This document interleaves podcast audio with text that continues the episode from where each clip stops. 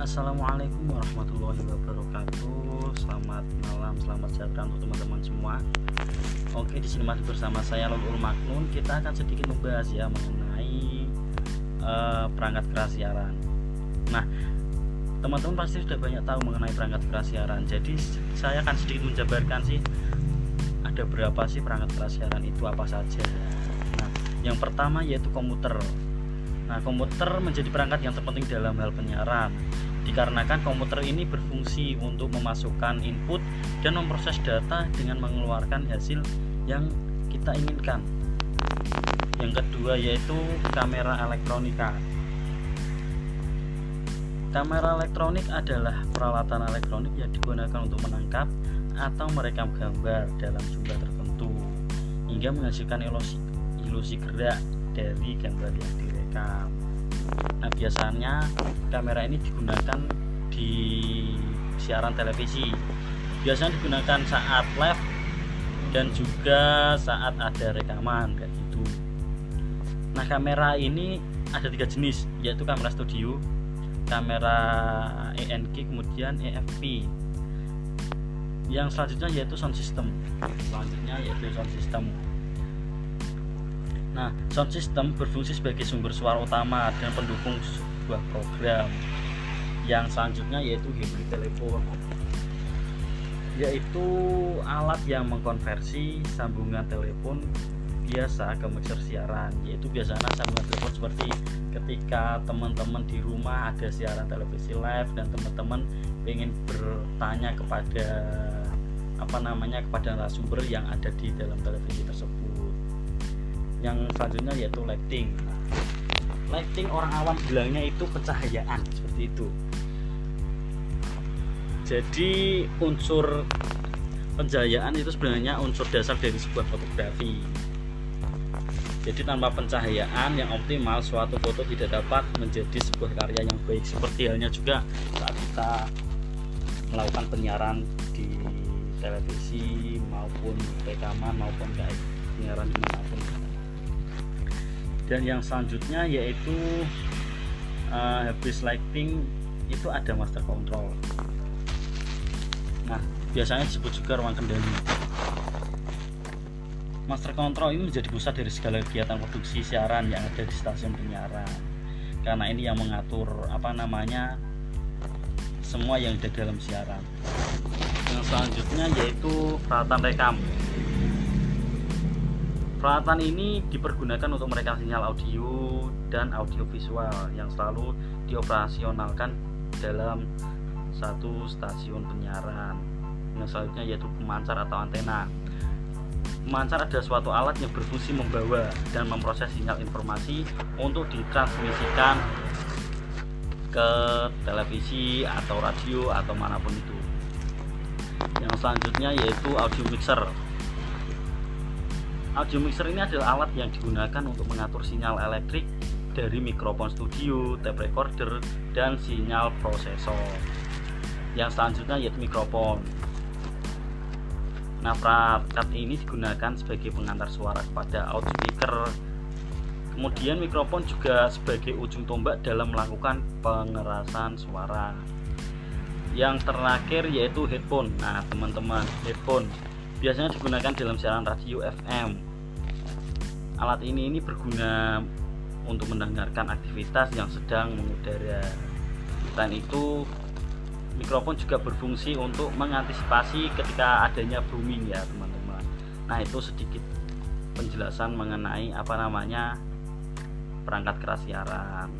Kurang lebihnya saya mohon maaf. Terima kasih. Wassalamualaikum warahmatullahi wabarakatuh.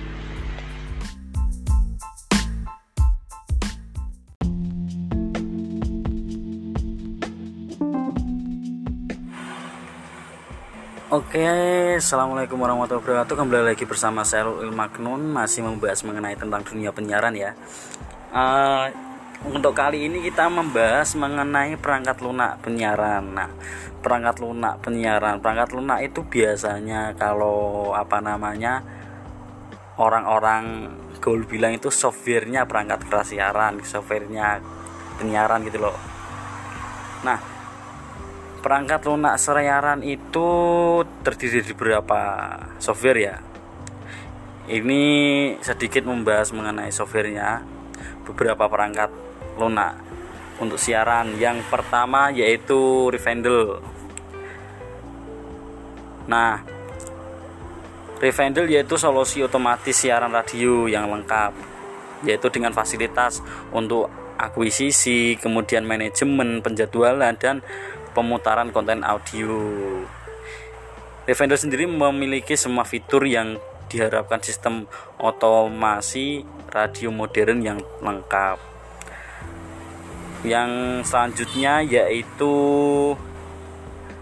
radio DJ. Nah, radio DJ yaitu perangkat lunak otomatisasi radio gratis untuk PC Windows yang memungkinkan siapa pun untuk melakukan streaming stasiun radio internet mereka sendiri. Radio DJ sendiri adalah freeware ringan yang akan berkinerja lebih baik daripada beberapa alat yang serupa fungsinya. Radio DJ juga sangat bagus untuk mereka yang teman-teman ketika berencana untuk menjalankan radio internet gitu loh bagi teman-teman yang berminat. Kemudian yang selanjutnya yaitu Zara Radio. Nah, Zara Radio adalah perangkat lunak untuk penyiaran radio. Fungsinya mirip dengan Winem, tetapi memiliki fitur yang disesuaikan kebutuhan penyiar radio. Teman-teman dapat mendirikan radio sederhana ya dengan menggunakan aplikasi ini. Dan yang terpenting software ini gratis gitu loh. Freeware itu maksudnya gratis ya teman-teman. Nah, Zara Radio sendiri memiliki fitur-fitur menarik yang bisa Anda gunakan, yang bisa teman-teman gunakan yang pertama, teman-teman dapat membuat playlist dan memasukkan langsung lagu-lagu yang akan diputar tanpa harus berpindah jendela. Kemudian tampilan waktu yang disesuaikan dengan jam komputer, memainkan jingle radio dengan tombol peminta seperti itu ya teman-teman. Jadi sedikit apa namanya uh, singkat untuk pembahasan mengenai perangkat lunak siaran ini sendiri jadi untuk teman-teman ketika ingin melakukan sebuah siaran radio ini tadi ada beberapa software yang rekomendasi banget untuk teman-teman melakukan siaran radio sendiri di rumah seperti itu. Oke terima kasih itu saja sedikit penjelasan dari saya uh, tetap stay di sini kita akan lebih mengenal lagi mengenai dunia penyiaran. Oke, wassalamualaikum warahmatullahi wabarakatuh. See you next time ya teman-teman.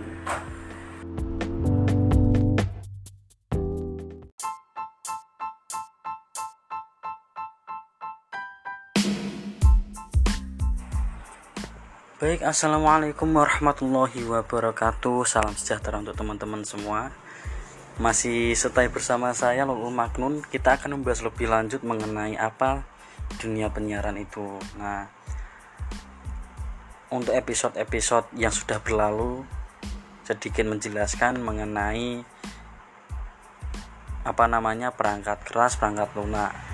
Nah untuk kali ini kita akan membahas mengenai persiapan ya persiapan fisik maupun non fisik di dunia penyiaran Nah, untuk kali ini kita bahas mengenai persiapan fisik dulu. Persiapan fisik dalam dunia penyiaran, yaitu persiapan fisik seorang penyiar terutama ya.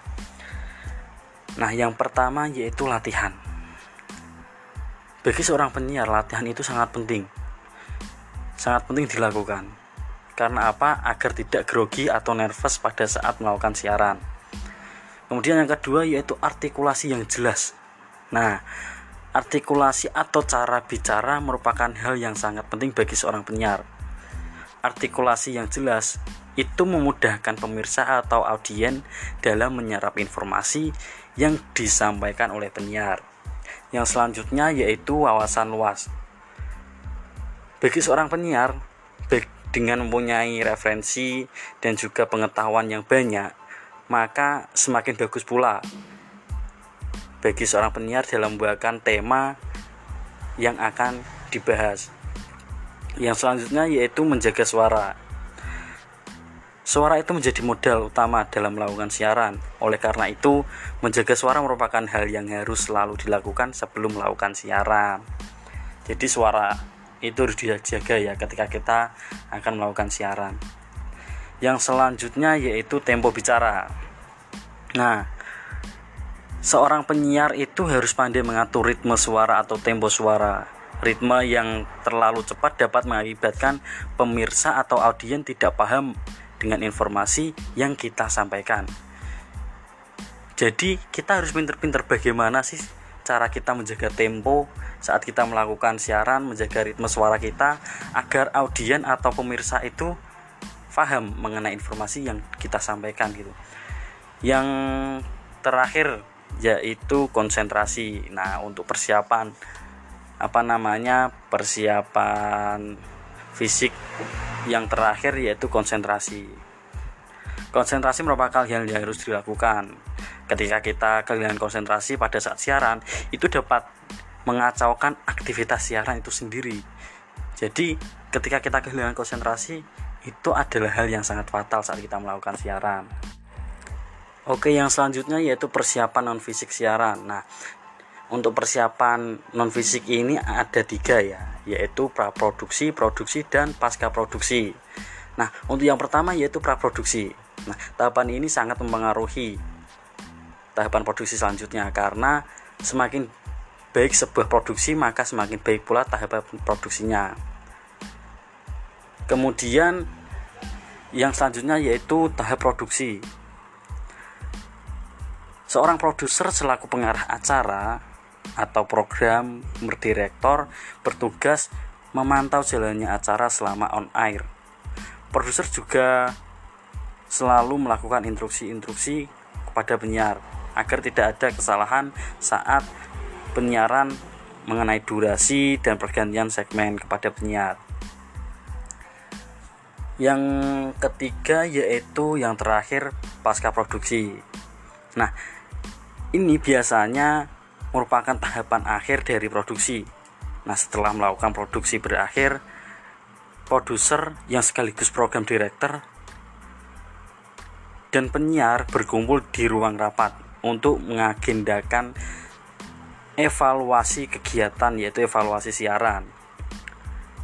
Jadi itu nanti membahas mengenai kesalahan-kesalahan, kekurangan-kekurangan saat melakukan siaran. Itu tadi.